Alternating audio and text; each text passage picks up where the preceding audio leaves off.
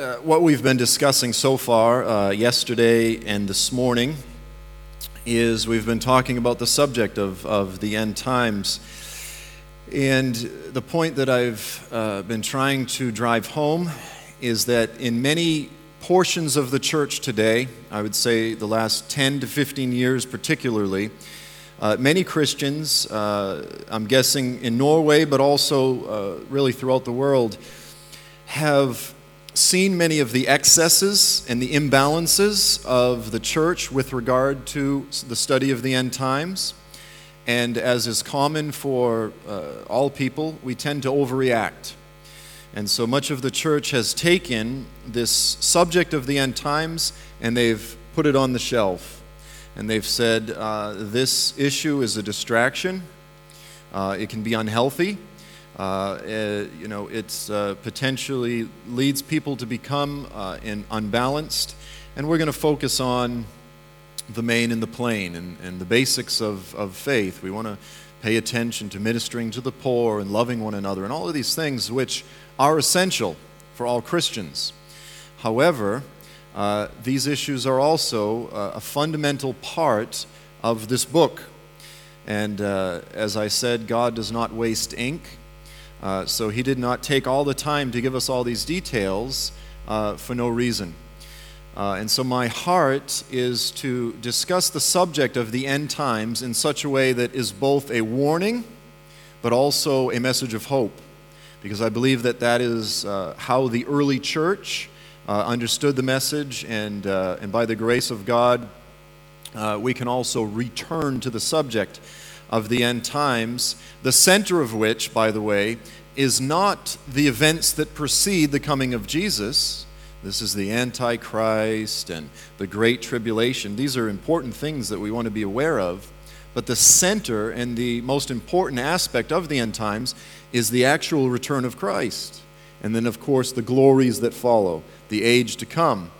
And it is, it's the age to come that has always been uh, the message of hope for the church.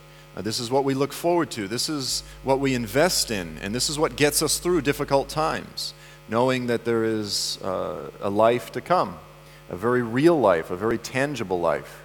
I, uh, my father is a fisherman, uh, Cape Cod saltwater fisherman. So I grew up uh, on the ocean uh, with my dad.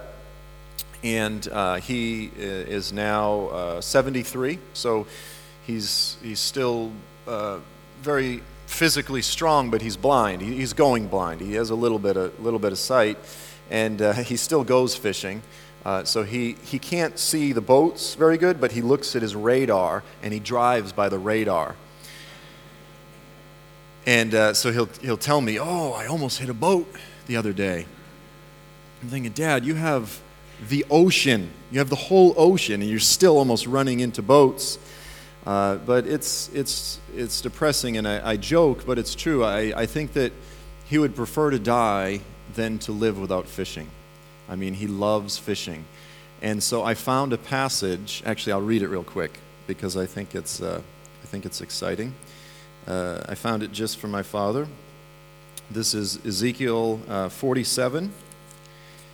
And it's speaking of the time after the Messiah returns, and it's uh, of course, it's difficult to understand uh, precisely what this means, but in verse 9, it's talking about the rivers that flow out of Jerusalem and they give life. And it says, Swarms of living creatures will live wherever the river flows. There will be large numbers of fish. Uh, because the water flows and makes the salt water, this is the Dead Sea, it makes it fresh, so that where the river flows, everything will live fishermen will stand along the shore from En Gedi to uh, En uh, Egalim or Eglaim. There will be places for the spreading of nets. So I said, Dad, I found a verse. Vague, uh, very general terms. You know, it's sort of a disembodied place in the clouds that we're really not quite sure of. But when we describe and talk about the age to come in very concrete terms, we talk about things such as fishing and orchards and gardening, people get excited and they go, I like that heaven. I like that. and uh, you begin to allow your imagination to uh, think of the age to come.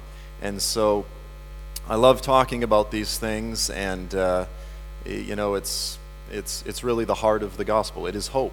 It's the hope of the gospel that life goes on. When you're in college, uh, you do things because after college you believe there is you know, life to come.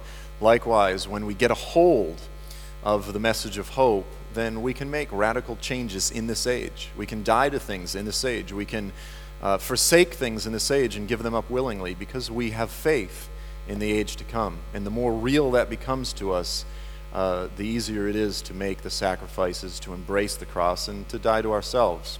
Right? Amen? Does anyone get excited? How many people would like to be part of Jesus' uh, garden planning committee? To get to quit their jobs and get to be part of working with Jesus and, and uh, building things and so forth. I mean, you know, He's a creator and we are His creation and He made us in His image. And there's something in us that loves to create. This get, we get excited about this. So, uh, beyond this, my heart uh, has always been to, to love Muslims. And one of the primary things that we've been talking about is uh, Islam's role in the end times. Now, uh, if you were to listen to a large segment of today's popular prophecy teachers, they would often say that the Antichrist, his empire, and his religion will come out of Europe. This is very popular teaching. Uh, the idea is that there will be a revived Roman Empire that will then invade the land of Israel, and that this is uh, the Antichrist empire. Now, uh, someone asked the question earlier uh, what I teach is that the Antichrist, his religion, and his empire come out of the Middle East. And in fact, the religion of Islam is the Antichrist religion. That that which the prophets have talked about from the beginning is right in front of us. Uh, there's often this idea that is presented that the Antichrist religion will just be something that will just suddenly happen. It just some form of New Age humanism or uh, you know, just some sort of one world religion just suddenly happens out of nowhere. And I always joke and I say, just one day Oprah sends out the email and everyone just signs up and there's a new world religion. And I don't understand how that would happen exactly. Um, but what I've been arguing is that Islam is that which the prophets have spoken of, and it fulfills all of the prophets down to a T. And when we understand the Israel and Jerusalem context, uh, of the biblical prophecies, then this, this uh, position makes all the sense in the world. So, this is not a very popular thing to refer to Islam as uh, essentially a religion inspired by Satan. This, is, uh, this will not make you many friends at university. Uh, it's not very uh, politically correct. However, the point that I want to emphasize and the primary purpose of tonight's message is to say that it is possible to hate Islam and love Muslims passionately. Okay, in the same way that if we have friends that are destroying themselves physically and spiritually through drugs, we hate the addiction, we hate the drugs, we love the person. Uh, if someone is living uh, the homosexual lifestyle, we hate homosexuality, but we love the individual, right? We love Muslims, but we hate this false religion which is not going to lead uh, a single Muslim to salvation.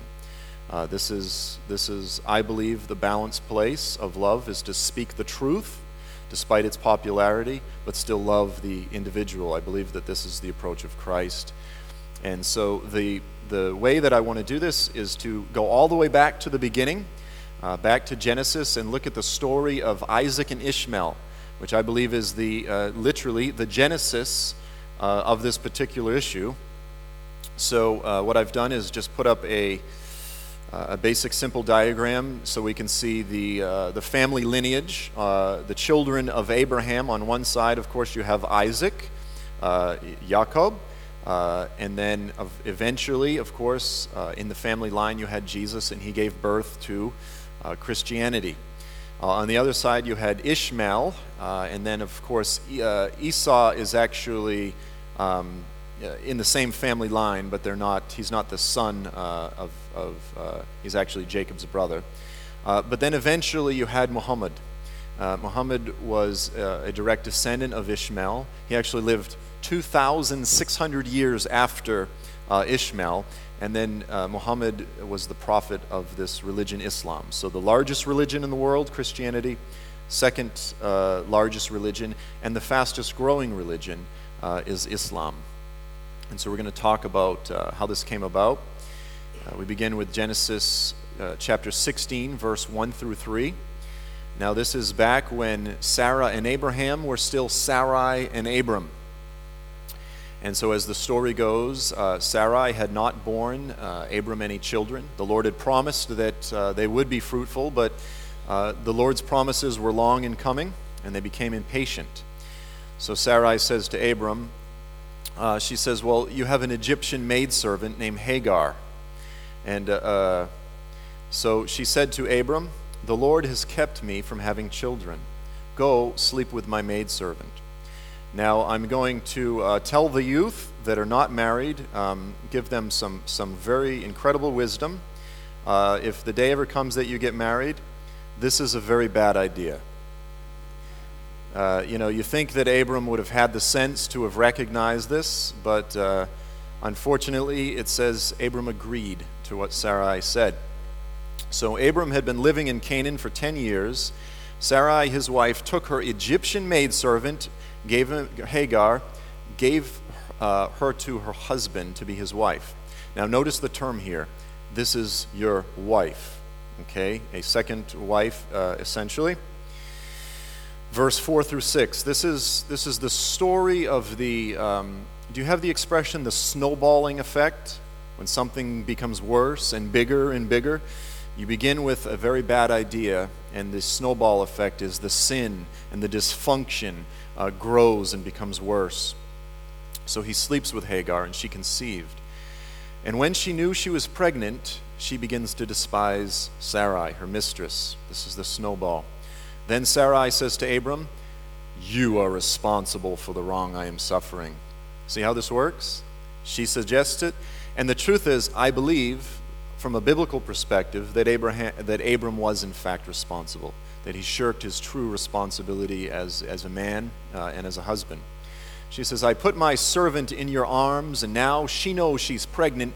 She despises me. May the Lord judge between you and me. And then Abram does the very manly thing. He says, Your servant is in your hands. Do whatever you want with her. So not only was he disrespectful to his first wife, now he's disrespect. Just leave me alone whatever you want you know just just don't give me a hard time.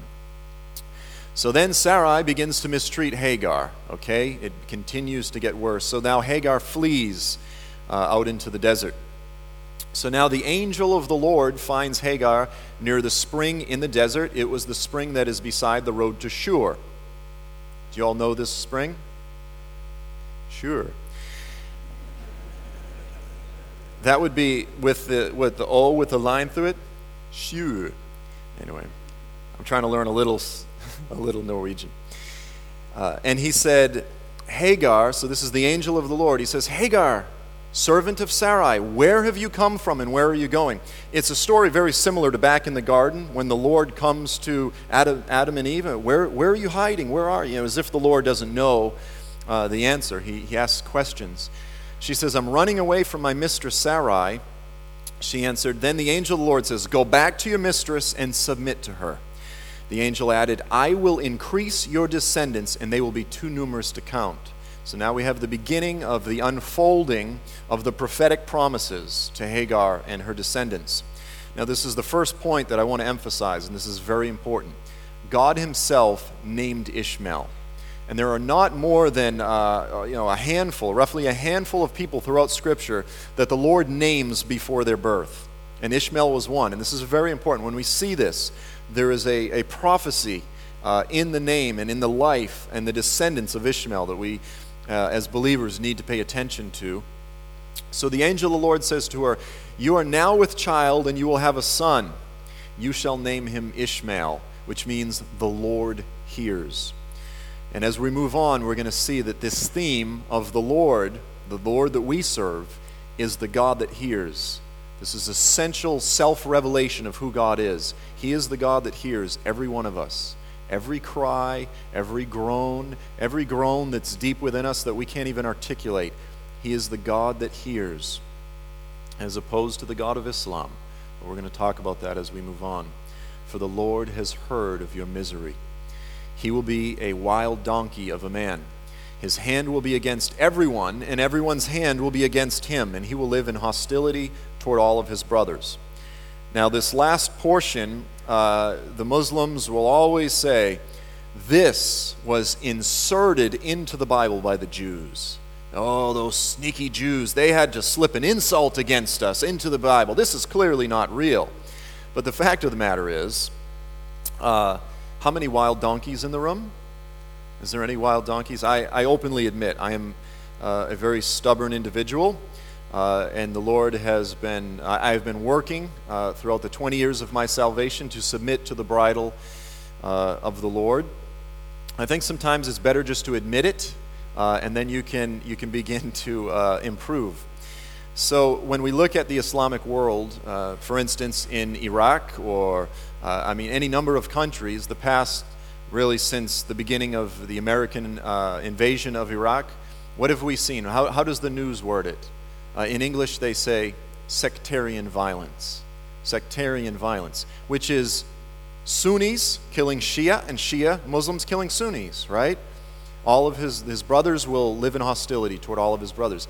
This is the history of Islam. From the very birth of Islam, you've had this sectarian division between those that believe that the successorship of Muhammad should have gone to his uh, descendants or his relatives. The, these the Shia, the party of Ali, uh, versus the Sunni.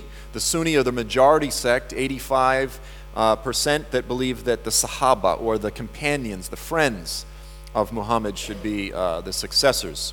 So it's a very accurate, uh, very accurate prophecy, unfortunately. Verse 13 through 16.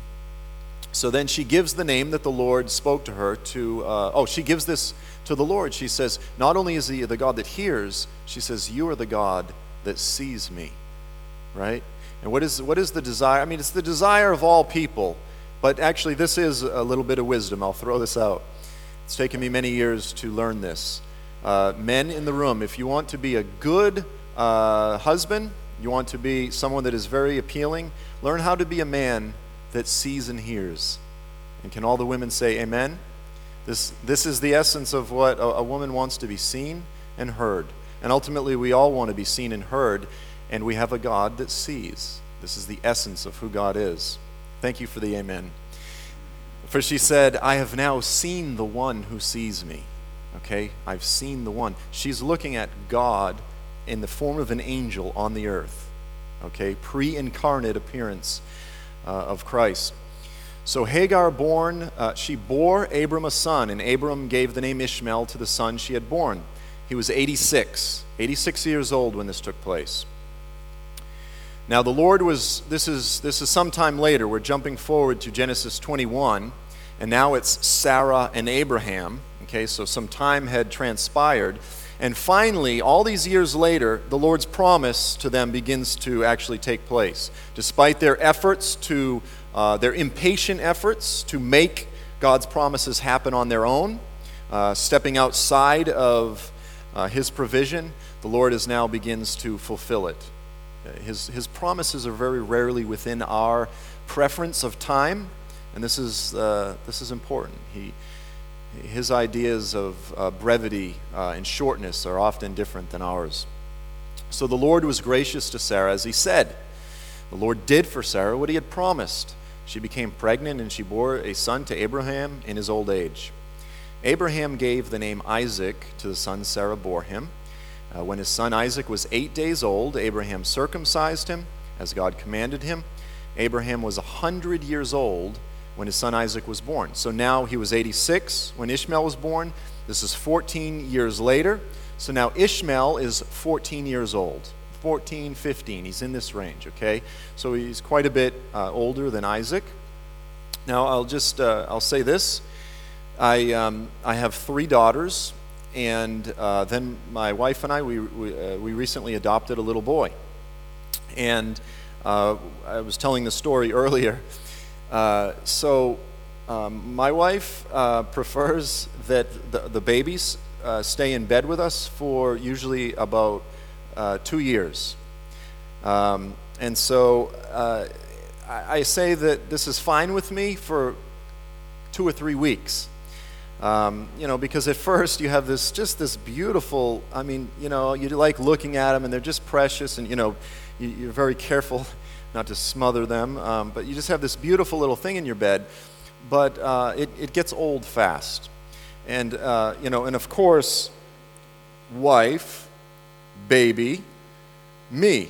Uh, so as I said, it becomes old. Well, it's uh, again one thing when they're a month old it's another thing when they're a year and a half. Uh, and so usually I end up on the floor. There's a point where I finally just abandon ship and I just move my stuff down on the floor. Now, my first two daughters, uh, they did pretty good. Actually, they transitioned out of the, be- the bed well. Uh, my third daughter, I think, I think because maybe my wife thought she might be the last one, I think she lingered uh, a little longer. And she was a very restless sleeper. Uh, and so she would, she would kind of do this. Like she would just be sleeping, and then she would just go, you know? And which, this is fine, but, I, and I'm not joking. Uh, this is not for comedic effect. This is true. She would do this. I call it the axe kick.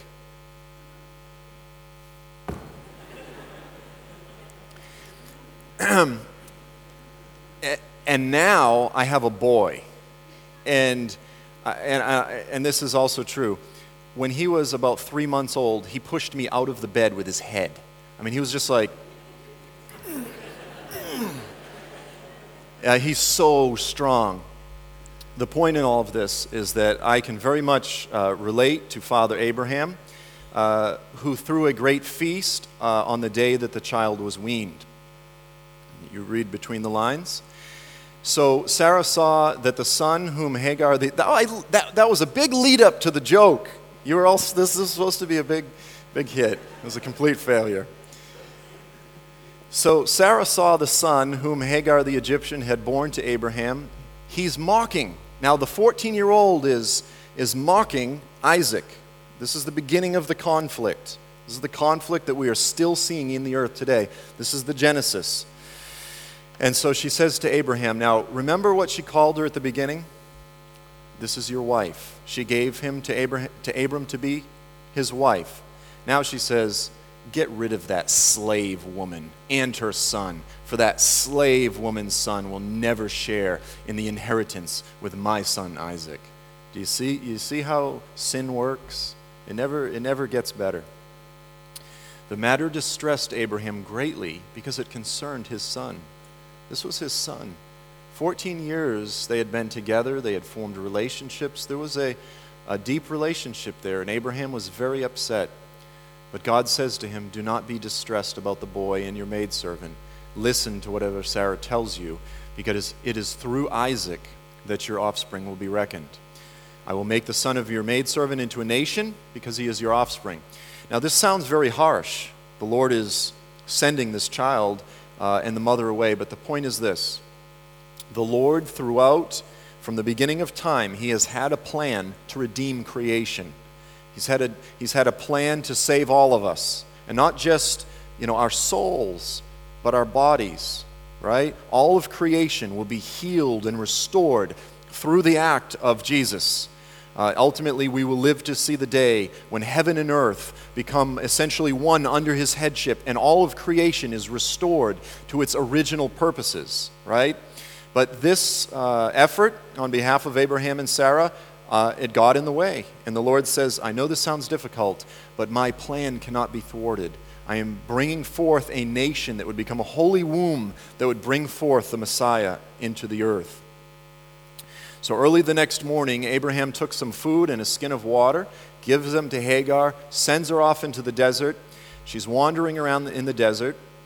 When the water uh, in the skin is gone, she put the boy under one of the bushes, and then she walks off about a bow shot away, and she says, I can't watch the boy die. So he's dehydrated, uh, and he's sitting there, he's all alone, and the mother, Hagar, believes that he is about to die, and she begins to sob. Now, here's the first, uh, the beginning of the fulfillment of the prophecy God hears. That in his name, God hears. God heard Ishmael crying. He heard the cry of Ishmael. And so the angel of God calls to Hagar from heaven and he says, What's the matter, Hagar? Do not be afraid. God has heard the boy crying. Lift him up and take him by the hand. I told you I will make him into a great nation. Listen to my promises. He opens her eyes and she sees a well of water. She goes and she fills the skin. She gives him water and he drinks. And then it just uh, makes the statement that God was with the boy as he grew up. He lived in the desert and he became an archer. While he was living in the desert of Paran, his mother got him a wife from Egypt. So, the point in all of this is we, we read these stories from the Bible, uh, and we tend to read them in a very uh, disconnected fashion, similar to you know, children's Bible stories. Well, this is interesting. What uh, lessons can we draw out from it? Uh, but the, the thing that I want everyone to, uh, to ponder is that this was a real boy. Yeah, yes, it's many years removed from us, but you had a real 14 year old boy who lived through this, who experienced it, who felt the emotions and the wounding and the trauma of this event. So, in one day, you had a 14 year old boy, and he went from having a happy life. He had a father, he had a mother, he had a family, uh, he had a home, he had an inheritance. And in one day, suddenly he was alone in the desert. His father had kicked him out of the camp, and even his mother had abandoned him. And he's laying there and he's dying. And I don't know how long it was between, between then and the time uh, that the angel called out, and from the time that Hagar got the skin of water, but it was so bad that she walked away. She believed he was about to die. And in his trauma, this is something that, uh, that Ishmael experienced. And in his mind, he's thinking, it's Isaac's fault. That little baby just stole my life. He stole my inheritance. He stole my father. He stole my family. It's Isaac's fault. Okay? Now, here's, the, here's where we bring it up to Islam. And I don't fully uh, claim to understand the power of, of generational sins and generational uh, brokenness and woundedness and these things. Uh, I know that it's important if you're a parent and a father to bless your children and to pass on a blessing and to speak life into your children uh, and, and not speak death over your children. Approximately 2,600 years after this traumatic event in the life of Ishmael, a direct descendant of Ishmael named Muhammad rises to become the prophet of a world religion. Okay, and what does Islam declare? What does what does Satan channel through this willing vessel named Muhammad? What does Islam declare? God is not a father. God is not a father. God has no son. We're going to look at some of the passages from the Quran. Ishmael, not Isaac, is the heir. Do you see right? I mean, this is at the very heart of Islam how the brokenness and the trauma of Ishmael's experience and his, his life was literally birthed as a religion. And, and the wounds of Ishmael, uh, this, is, this is how I articulate it. Uh, from a spiritual perspective, Islam is the broken, bitter cry of Ishmael, the fatherless, the orphan, memorialized, creedalized, or canonized as a religion and it is the greatest antichrist religion that the world has ever known or ever will know. Okay, and this is what we've been uh, discussing. Now, and again, I understand this is a very strong statement to make, but I want to uh, look at a few passages from the Bible as well as the Quran uh, to, to explain why I believe that Islam is, in fact, antichrist and what it means to deny the Father and to, to deny the Son. So uh, in 1 John 2:22 we have the scriptural definition of the theology of the antichrist. And it says this, who is the liar? It is the man who denies that Jesus is the Christ. Now some people will say that Islam affirms that Jesus or Isa is the Masih, the Messiah. This is true in title only. Yes, they give him the title of, of Masih, but they strip that title of all biblical meaning. So, in terms of him being the deliverer of Israel and, uh, and the redeemed of the earth, the savior of the world, the one that died on the cross, the divine Son of God, all of these things are denied. And so they, well, what does Messiah mean to a Muslim? They say, well, it just means that he was a prophet born of a virgin. Okay, that's, they, they limit it to that. He was one in many, many, many prophets. Uh, he just happens to be one that was born of a virgin. And so that's what they mean. So they can give him the title, but Islam does deny that Jesus is the Christ or the Messiah from a biblical and accurate perspective. And then it says, such a man is the Antichrist. He denies the Father and the Son. This is essential. We need to understand this because in the doctrine of God as Father and Jesus as Son is the ultimate expression of who God is. And this ties into the concept of the God who hears, the God who sees. He is the God that stoops he is the God that comes down to us. This is the God that reached down, and not just reached down, he stepped down and he lowered himself beyond and below most of us. He embraced suffering. He took on the form of a servant. He willingly embraced humility, humiliation, because he loves us. This is the essence of what it means to be uh, a father at heart. And then it says, No one who denies the Son has the Father. Whoever acknowledges the Son has the Father also. This is the, the description of anti Christic uh, theology. I'll skip this, uh, this next one in 2 John. Essentially repeats the same uh, point. And then you have from the Quran, Surah 112, verses 1 through 4. It says, Say, He is Allah, the One, Allah, the eternally besought of all. He begetteth not, nor was begotten. What this means is he doesn't have children and he is not a son. He is not a father, he is not a son. And it's saying, don't liken him to anything on earth. If you do that, you are lowering God. Don't lower God. Okay? And it says, and there is none comparable to him. Okay? So as, as Muslim theologians discuss this in the commentaries on the Quran, they will always speak of Christianity. They'll say, for instance, Christianity teaches that God is a father. This is wrong, and this is where the Quran makes it very clear that they are blasphemers when they say these things because they are trying to make God like a man and lower him.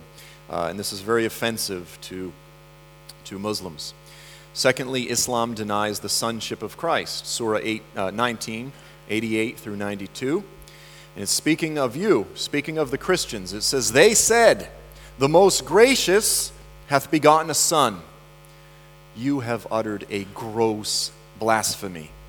Okay, so when you and we together affirm the most central, essential revelation of, uh, of our faith, that God has a son, that he came down, you have uttered a gross blasphemy.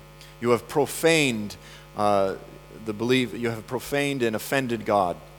The heavens are about to shatter. The earth is about to tear asunder. The mountains are about to crumble. This is such a terrible blasphemy that the earth is about to crumble under the weight uh, of how gross this is because they claim the most gracious hath begotten a son.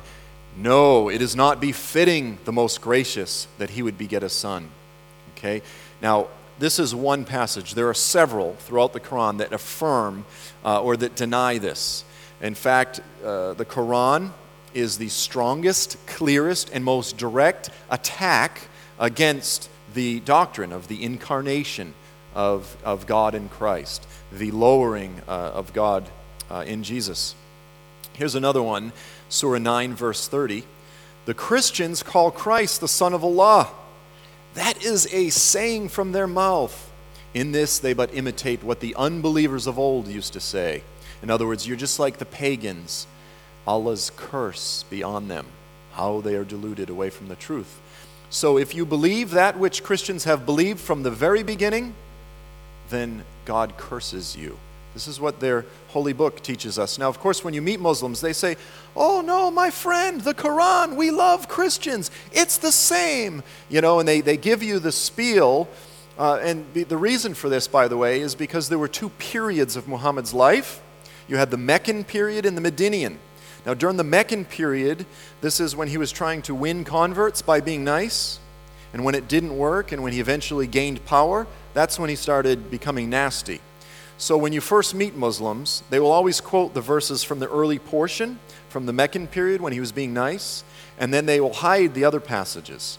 But in the back of many Qurans, there are charts that say that these latter verses override the previous passages. So it's the latter verses, if they're contradictory, the latter ones carry more weight. So this is, this is a deceptive game that Muslim evangelists will often use uh, when meeting Western uh, uh, non Muslims. They'll try to, oh, the Quran, we love Christians. It's all, oh, yes, we affirm Christianity, we believe in the Bible, and they say all these things. They won't quote the passages that say, if you believe Jesus is the Son of God, Allah's curse be on you. Okay, don't fall for it. 517 in blasphemy indeed are those that say that god is christ the son of mary surah 1068 they say God hath begotten a son. Glory be to him. He is self sufficient. You know, he's wonderful. He's in heaven. Uh, his are all things in heaven and earth. No warrant have ye for this. And then say ye about Allah what ye know not. Does this work when I'm reading Old English Quran? Is this extra confusing? Most, many of the Qurans are difficult. Uh, there, there are a few translations that are in modern English, so I, I apologize for that. I just realized that. So now I want to share with you uh, what I call a tale of two fathers. And this is just a story that I try to uh, tell to uh, demonstrate the difference between the God of the Bible and the God of the Quran. It's a very simple story.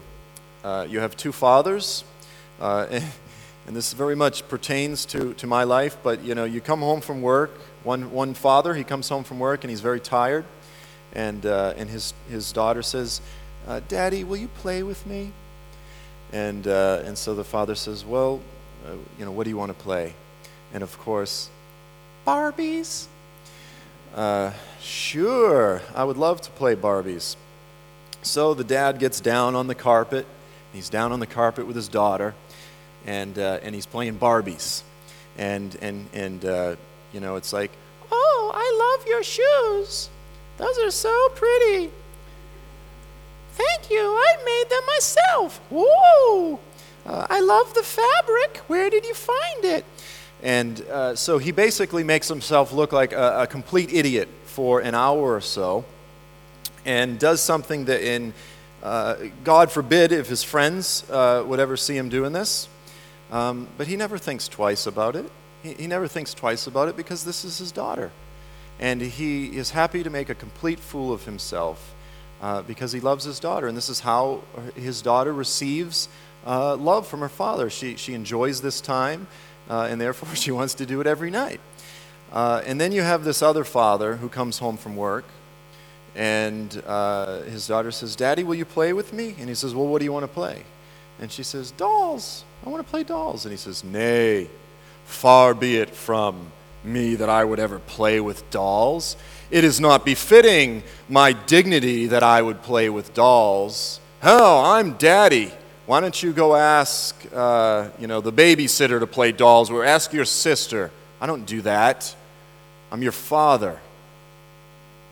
This is the difference between the God that we serve and the God of the Quran. On one side, you have the God of the Bible, who, although he was the creator of all things, he humbled himself. He took on the form of a servant. God, God humbled himself. When he became Jesus, when he sent forth his essence and stepped into the world and embraced suffering on our behalf, he wasn't afraid to humble himself. He wasn't afraid of losing his dignity and majesty.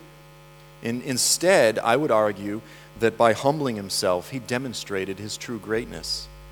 And then over on the other side, you have the God of the Quran Allahu Akbar. God is great. All he's about is preserving his greatness. He's not about demonstrating his love. He relates to Muslims as slaves to a master, not God, not father to uh, children. It's a slave to his master. And he's all about protecting his greatness. And in my opinion, this God that is portrayed in the Quran is an insecure, pathetic God that is not worthy of any form of worship whatsoever. And we have this, this God that has revealed himself throughout, throughout Scripture, all the way back. He's appearing as an angel and lowering himself. He appears in the burning bush. He, he steps down and makes covenant with man. Do you understand? God has always been reaching down to us. And its ultimate expression is that when He actually became, uh, He stepped down and through the Messiah became man and suffered in our place. And we, ha- we are the stewards of this message. We are the stewards of this revelation. And we should be very confident when Muslims come at us that are very aggressive. And if you, if you meet Muslims, uh, perhaps at university or if you travel abroad or if you work with Muslims, they love and they're very well trained to go after you and to challenge you. Be very confident. Be very confident because what we have is a thousand times more superior. Amen? Not surprisingly, uh, Islam, as a result, and in my opinion, an outflow of its theology, it forbids adoption. It forbids adoption. This is Surah 33, verses 4 through 5. And it says, Nor has he made your adopted sons your biological sons. Such is only the manner, uh, you, you speak this, but that's, that's not true.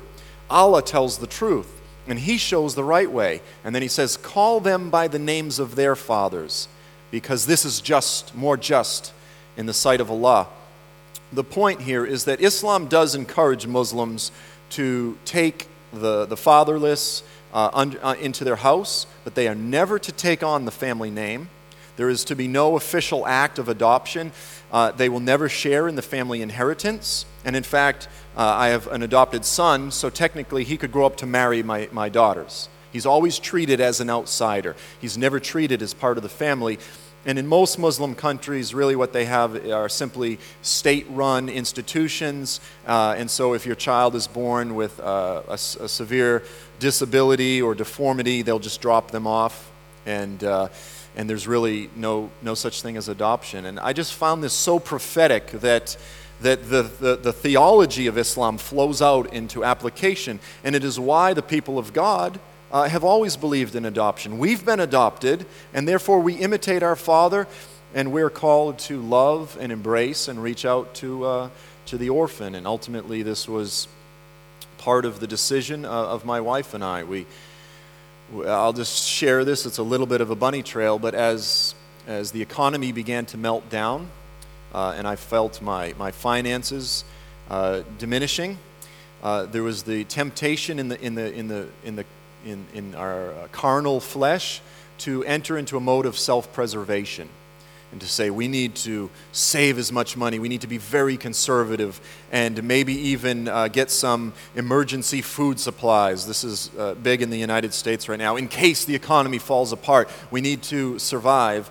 There was a temptation to go that way, uh, but we, we got together and we, we prayed and we said, let's, let's do something far more biblical uh, let's do something that expresses faith and not fear.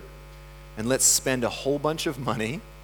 And let's take as many kids into our house as we can handle. Uh, and so far we have one, and we're in the process of one more. We know our limits. We're not totally crazy, but we stepped out in faith.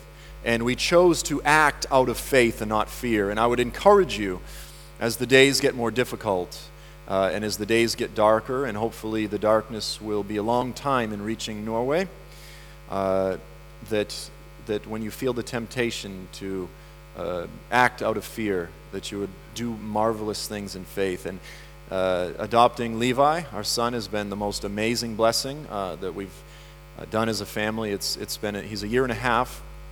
I've got a picture in there somewhere. actually, let, let me get to this first. This is Al-Aqsa, uh, oh, actually, this is not Al-Aqsa. This is the Mosque of Omar, uh, or the Dome uh, of the Rock, as it's often called. Encircling this, this is sitting on the very spot where God is said to rule the earth from uh, spiritually from this place, and where Jesus says his throne will be placed. And here is this monument of defiance. Encircling the inside of this mosque are the verses from the Quran that I just read, which says, God has no son the very place where God the Son uh, overturned the tables, and the very spot that he says he will return, Islam has built a monument that says, God has no son. Again, it's just a very prophetic uh, picture for us all to see. Uh, the very creed of Islam, the Shahada, La ilaha uh, Allah Muhammadan Rasulullah. There is no God other than Allah, okay? Not uh, not the, the Yahweh of the Bible, Allah. And then not Jesus, not Yeshua, but Muhammad is the final messenger uh, of God. Uh, right there in the creed of Islam is a denial of God the Father, God the Son. I believe this is the greatest antichrist creed that has ever been formulated uh, in the earth. Uh, I'll skip forward to the, the conclusion. So the Lord is uh, calling his children to rescue the orphans of the earth. Uh, this is James 1, verse 27. Pure and undefiled religion before God and the Father is this to visit orphans and widows in their trouble, to keep oneself unspotted from the world, to keep oneself unstained uh, from the world. So here is, uh, here is Levi. This was, he, he's actually about six months in this picture. Uh, and the wonderful thing about adoption uh, is that you can brag about your children uh, and it's not arrogant because you can claim no responsibility for their good looks. Uh, so I always love to tell everyone that uh, my child is the best looking uh, child in the world. And uh, so it's not, it's not an issue of arrogance, it's just simply the truth. Uh, and so here's Levi, and he's just the happiest, funniest little boy. And I, on the plane, I was playing around, and I inserted a little brief uh, 15 second video. We'll see if this, see if this plays. This is to see what I'm contending with in my life right now. He's a year and a half old. Hey, don't you do it again. What you doing now? Oh, no, no, no. Leave. This is the kid in my bed. I watched him at a year old. I mean, my girls at a year, you know, they would come up on the table and they, you know, they're kind of starting to walk. And they're, I watched him at a year old come running into the kitchen, picked up this chair, ran over and put it down, climbed up on it, and goes to grab the knife. I'm like, what? This is, uh, this, is, this is our life right now.